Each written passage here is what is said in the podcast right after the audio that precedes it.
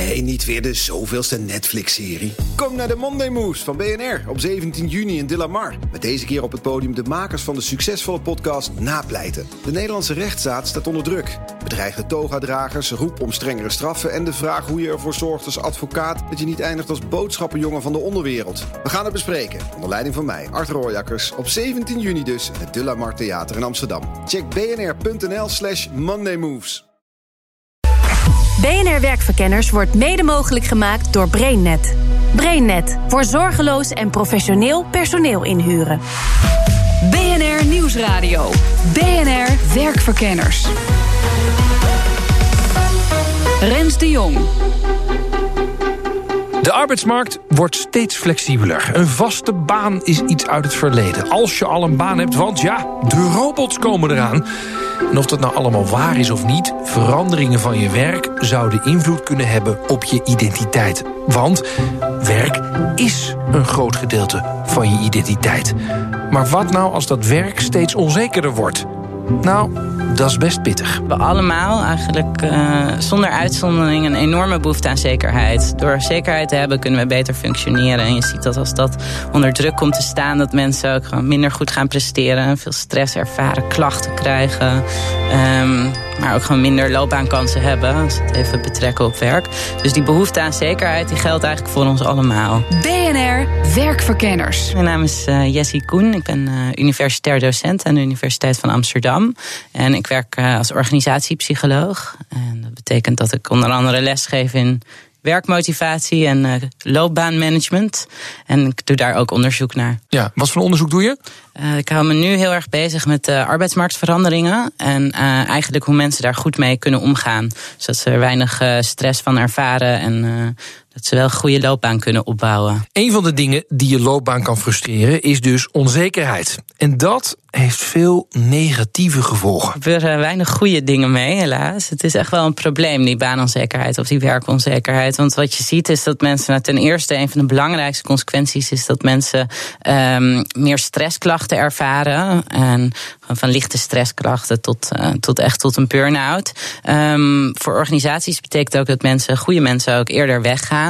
Um, dat ze minder goed presteren. Het komt dan een beetje die onzekerheid komt in de weg te zitten van hun, uh, mm-hmm. hun prestatie. Um, ze zijn minder tevreden op het werk. Ze zijn minder bereid om een stap extra te doen voor anderen, om iets voor collega's te doen. Um, ze hebben minder energie om, om nieuwe kansen te creëren. Dus dan kom je ook snel in een vicieuze cirkel terecht. Want het lukt niet om iets nieuws te vinden. En door die onzekerheid lukt het nog minder om ja. iets nieuws te vinden. Um, en je ziet dat het loopbaansucces van mensen die veel onzekerheid ervaren, echt veel aanzienlijk veel lager is. Ja. Je hoort vaak zeggen: de nieuwe generatie heeft helemaal geen zekerheid nodig, de millennials. Is dat onzin? Ja, ja, is onzin?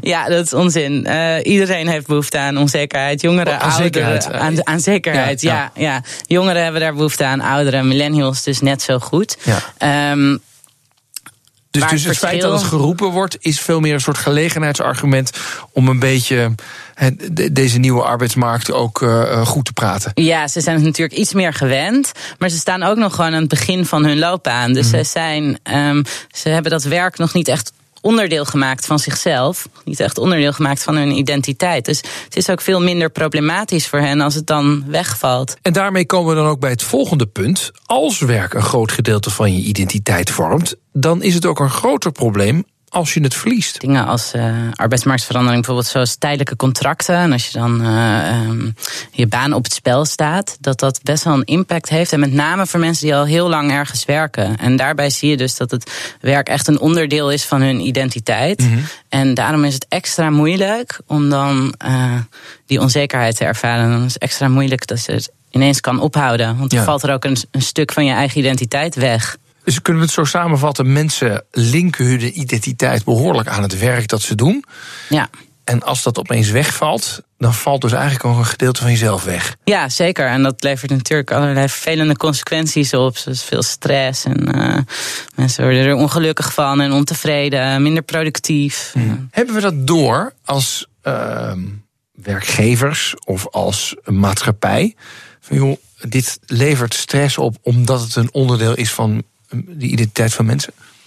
Ehm, nou, ik denk dat wij dat wel doorhebben, maar dat we uh, nog wel heel erg vasthouden aan uh, dat het altijd al zo geweest is. Aan een beetje de oude manieren van, van denken over werk. Dus bijvoorbeeld ook um, wetten die er zijn, dat tijdelijke contracten, dat je er maar twee mag hebben, bijvoorbeeld achter elkaar.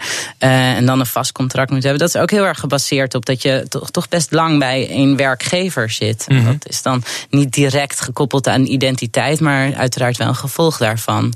Van het denken dat, dat je je zekerheid uit een vast contract moet halen. Bijvoorbeeld. Ja. Dus dat je identiteit ook verbonden is aan dat werk en aan dat contract. En is dat, is dat zo? Blijkt dat uit onderzoek dat mensen hun identiteit ook halen uit het feit dat ze een langer contract hebben? Of is het veel meer dat ze kunnen zeggen: ik ben iemand, iets? Uh, dat, de, het eerste weet ik niet zo goed. Wel dat mensen hun zekerheid heel erg halen uit uh, contract. En dat is natuurlijk ook daarmee verbonden.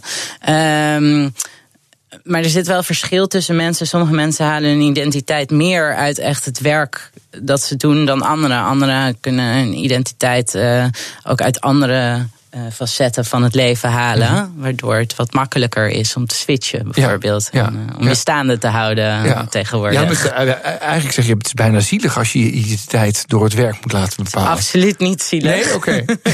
maar het, is wel, het wordt wel steeds moeilijker om daar, uh, om daar aan vast te houden op die manier. Het wordt, staat steeds meer uh, onder druk. En dus hebben we een groot denker nodig om dit probleem voor ons op te lossen. Ik bel met René.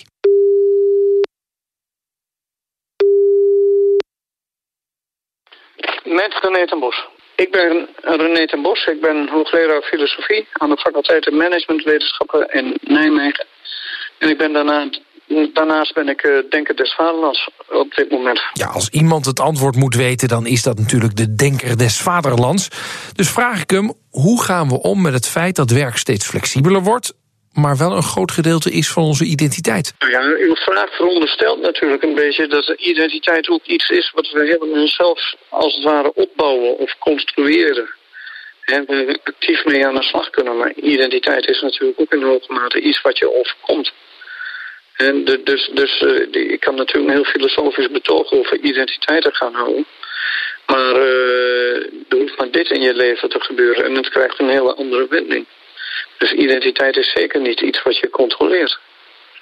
En, en dat mensen het ophangen aan hun werk, dat snap ik wel. Maar als dat werk voortdurend verandert, of, of als zij in hun bestaan ook steeds bedreigd worden. Ja, dan wordt het lastig inderdaad. En dus René zijn eindoordeel over identiteit ophangen aan je werk.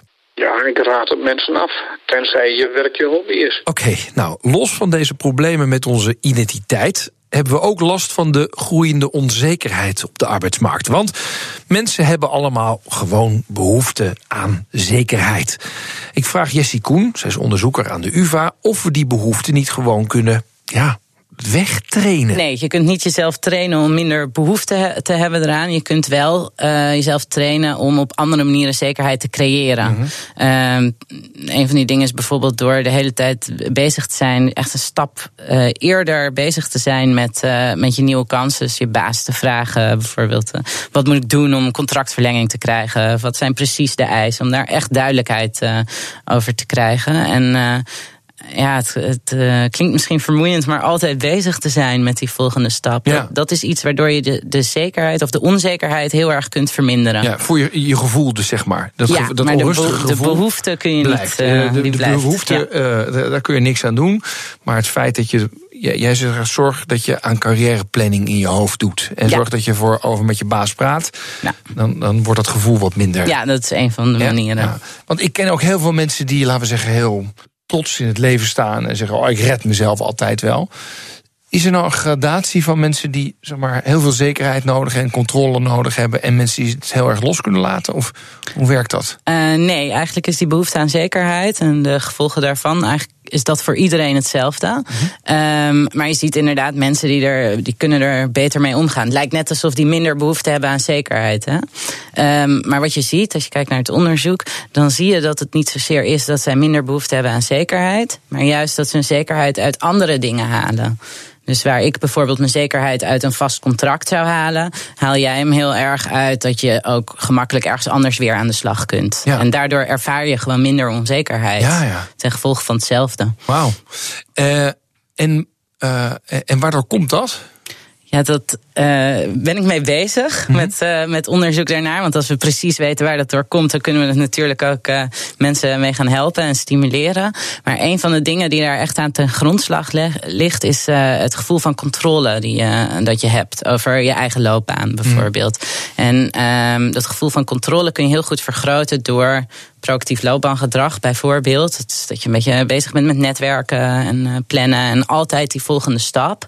En als dan het puntje bij het paaltje komt dat je contract ook echt afloopt, dan zie je, dan weet je gewoon dat je al een volgend contract op stapel hebt staan. En dan is het veel makkelijker om daar minder onzeker van te worden. Ja. Um, maar dat is natuurlijk op individueel niveau. Want ook vanuit organisaties of vanuit de maatschappij is het belangrijk dat we echt uh, het contract een beetje loskoppelen van die behoefte aan zekerheid. Ja. Zodat je ergens anders je zekerheid uit kunt halen. Nou, dat zou inderdaad heel handig zijn. Hoe je dat nou precies doet, dat vertelt Jessie straks.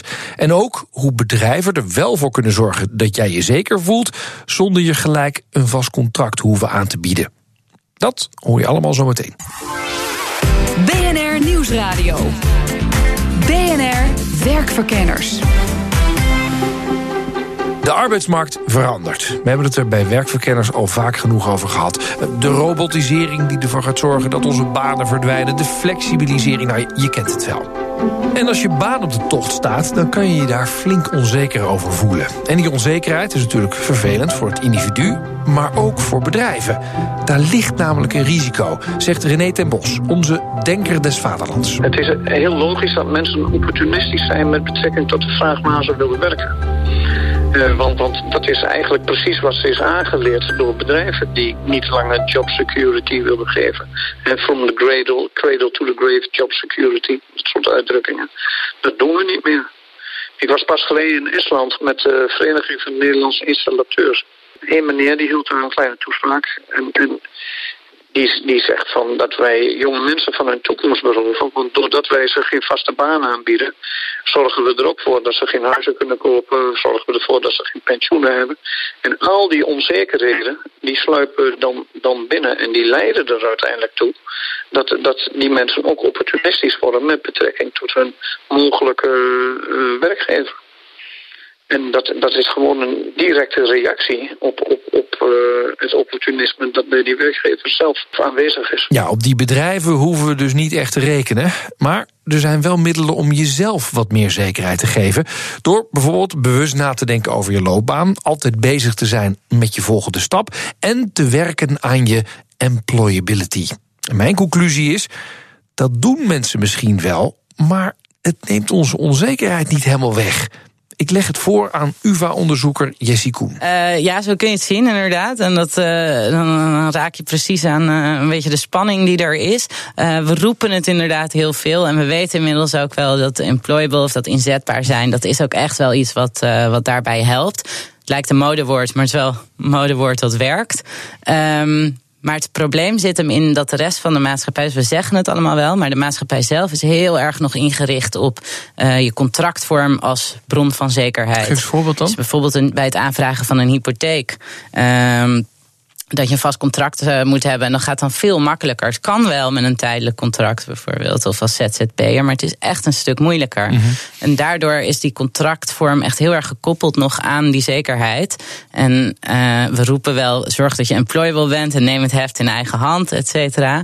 Maar de rest van de maatschappij en organisaties zouden er ook mee bezig moeten zijn. En, en nog niet elke hypotheekverstrekker verstrekt jouw hypotheek op jouw talenten, maar veel meer of op jouw handtekening of jouw baas een, een handtekening ja, ergens precies, ook die hebben behoefte aan zekerheid. Ja.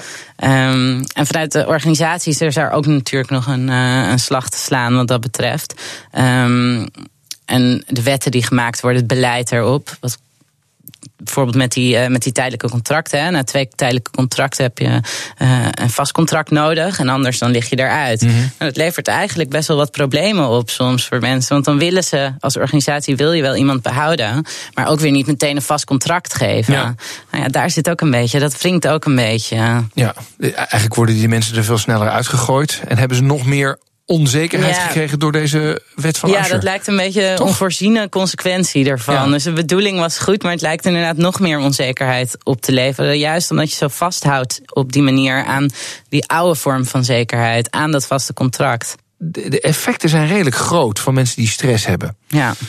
Ehm, en bazen willen graag mensen die goed werk leveren en niet hebben, stress hebben. Maar aan de andere kant wil je ook niet meteen iedereen een vast contract geven. Want zelf als baas heb je ook wel stress. Die je denkt, ja, ik weet niet of dit bedrijf nog bestaat over een aantal jaar. Dus ik Precies. wil niet helemaal daaraan vastzitten.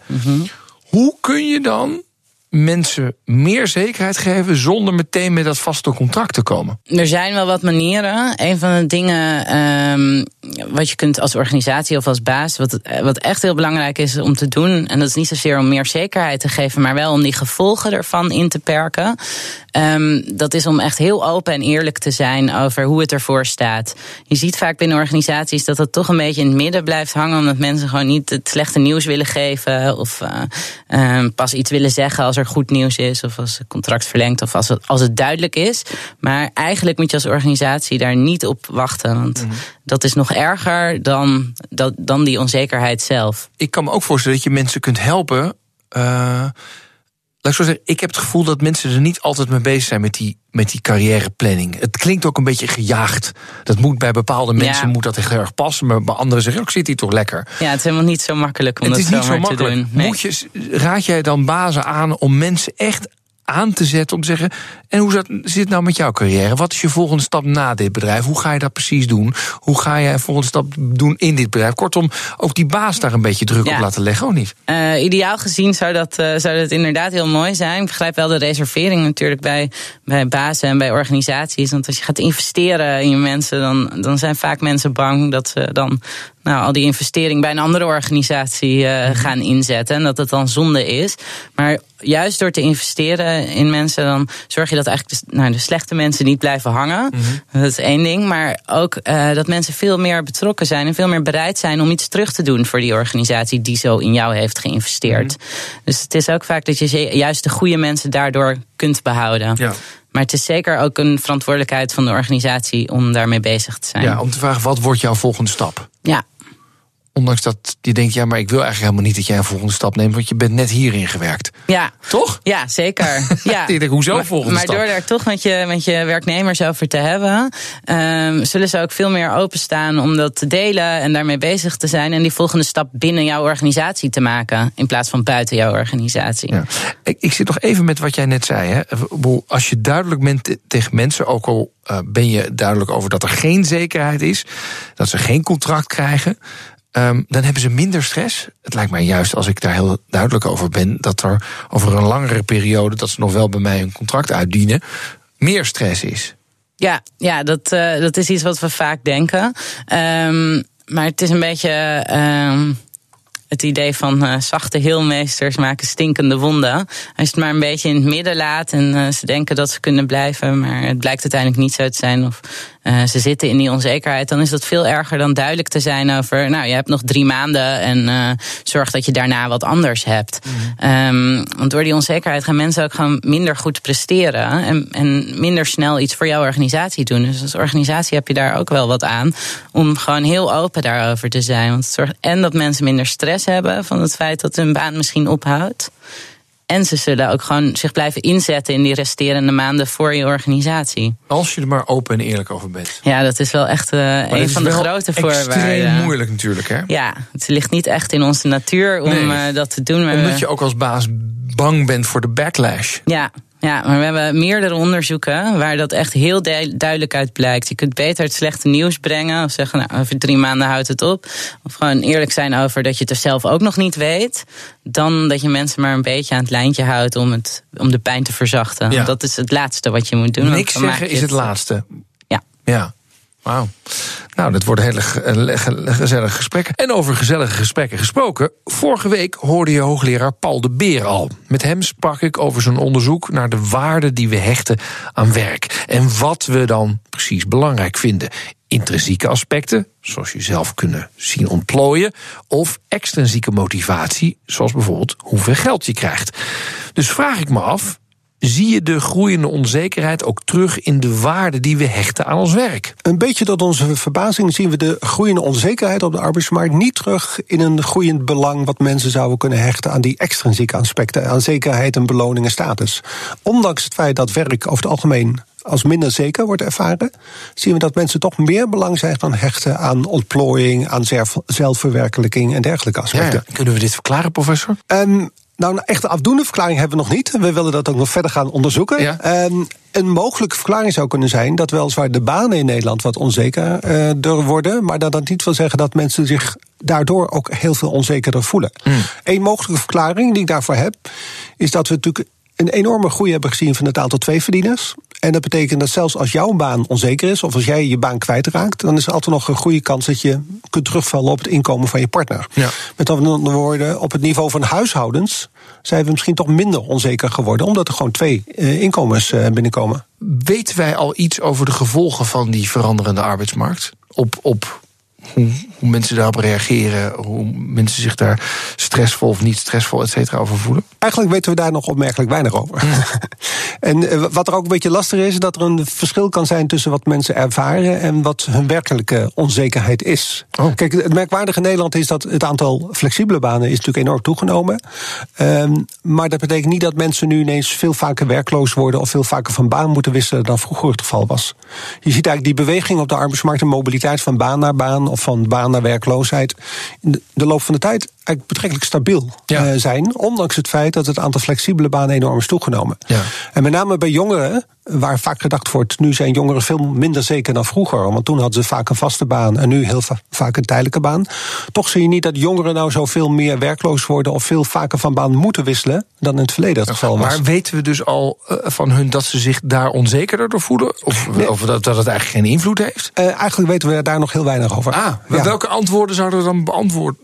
Welke vragen moeten we dan beantwoord krijgen wat jou betreft? Nou, ik, eh, ik denk dat we veel specifieker aan verschillende groepen moeten gaan vragen wat voor vormen van onzekerheid zij, zij, ervaren. Dus dan moet je daar het onderscheid maken tussen eh, onzekerheid van je huidige baan, onzekerheid ten aanzien van je inkomen, onzekerheid van de mogelijkheid om überhaupt aan het werk te komen uh, of aan het werk te blijven als je je baan kwijtraakt.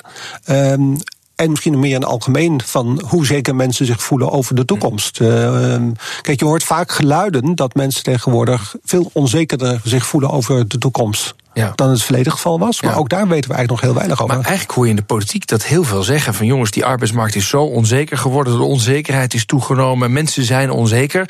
Dat is niet te staven met wetenschappelijk onderzoek, dan hoor ik. Nee, Nee, precies. Daar wordt veel. Dit is N is 2, is dit. Uh, we, we, ja, hebben, we hebben truus op de markt gesproken. Iedereen kent vast wel iemand in de omgeving uh, die uh, zo tegenaan kijkt, of voelt het zelf misschien zo, maar dat wil niet zeggen dat het in het algemeen zo is. Nee. Vreemd dat dat dan nog niet onderzocht is, toch? Ja, ik heb, wat vaak het probleem is dat het, ze wordt soms wel eens eenmalig onderzocht. Uh, en dan krijg je een cijfer van, weet ik wat, 40% of 80% van de Nederlandse bevolking voelt zich op een bepaald gebied onzeker. Maar als je dat niet kunt vergelijken met hoe het vijf of tien jaar geleden was, dan zegt zo'n getal heel weinig. Ja. En je hebt dus uh, onderzoeksbureaus nodig. En in Nederland is dat meestal het Sociaal en Cultureel Planbureau dat dit soort dingen vraagt, die dit periodiek uh, gedurende langere, termijn, uh, langere tijd aan mensen gaat vragen. Ja. En op dit gebied is dit nog helaas nog niet gebeurd. Nee, dus als wij ooit een politicus horen die zeggen. Uh, mensen voelen zich heel zeker, ondanks hun, vaste, hun flexibele contract. Of een politicus die zegt: mensen voelen zich heel onzeker vanwege hun flexibele contract. Hoort het antwoord gewoon te zijn: dat is nog helemaal niet wetenschappelijk onderzocht. Klopt. Heel verhelderend deze ja. uitzending. um, en, en, en waarom? Dat is om, ja, omdat het gewoon nog niet onderzocht is? Of... Nou, eigenlijk omdat dit pas een recent thema is. Ja. En uh, Kijk, organisaties zoals Sociaal Cultureel Planbureau, Centraal Bureau voor de Statistiek, gaan dit soort dingen meestal pas vragen als het een belangrijk maatschappelijk thema is. En vervolgens duurt het dan nog een heleboel jaren voordat je weet of dit nou in de loop van de tijd toeneemt of afneemt. Ja. Um, dus uh, ik hoop eigenlijk dat het nu wel in een aantal uh, enquêtes wordt opgenomen. Uh, wij zijn zelf van plan. we hebben ons onderzoek gedaan met subsidie van de Goldschmeding Foundation. En we hopen opnieuw een subsidie te krijgen om door te kunnen gaan. En dan is onze bedoeling om periodiek, eens in de twee of drie jaar, een enquête te houden onder de Nederlandse bevolking. Waarbij we dit soort zaken systematisch in kaart brengen. Tijd voor het onderzoek. Ja, zeker. Ik hoop dat je die subsidie krijgt. Ja, dat hopen wij ook. nog even afwachten dus. Maar voor nu is de conclusie... we weten nog vrij weinig over welke impact de onzekere arbeidsmarkt op ons heeft. Wel weten we dat we als mens behoefte hebben aan zekerheid. En als je die niet van je baas krijgt... dan kan je jezelf een handje helpen... door bijvoorbeeld heel bewust bezig te zijn met je loopbaan en je volgende stappen. En onze volgende stap is in de wereld van de introverte. Volgende week namelijk. Deze en andere werkverkenners kun je terugluisteren via de site, de app, iTunes of Spotify. Dag. BNR Werkverkenners wordt mede mogelijk gemaakt door BrainNet. BrainNet voor zorgeloos en professioneel personeel inhuren. Ook Hugo Reitsma vind je in de BNR-app. Superhandig die BNR-app. Je kunt alle programma's live luisteren, breaking nieuwsmeldingen. Je blijft op de hoogte van het laatste zakelijke nieuws. En je vindt er alle BNR-podcasts, waaronder natuurlijk de belangrijkste, Boeken zijn in de wijk. Download nu de gratis BNR-app en blijf scherp.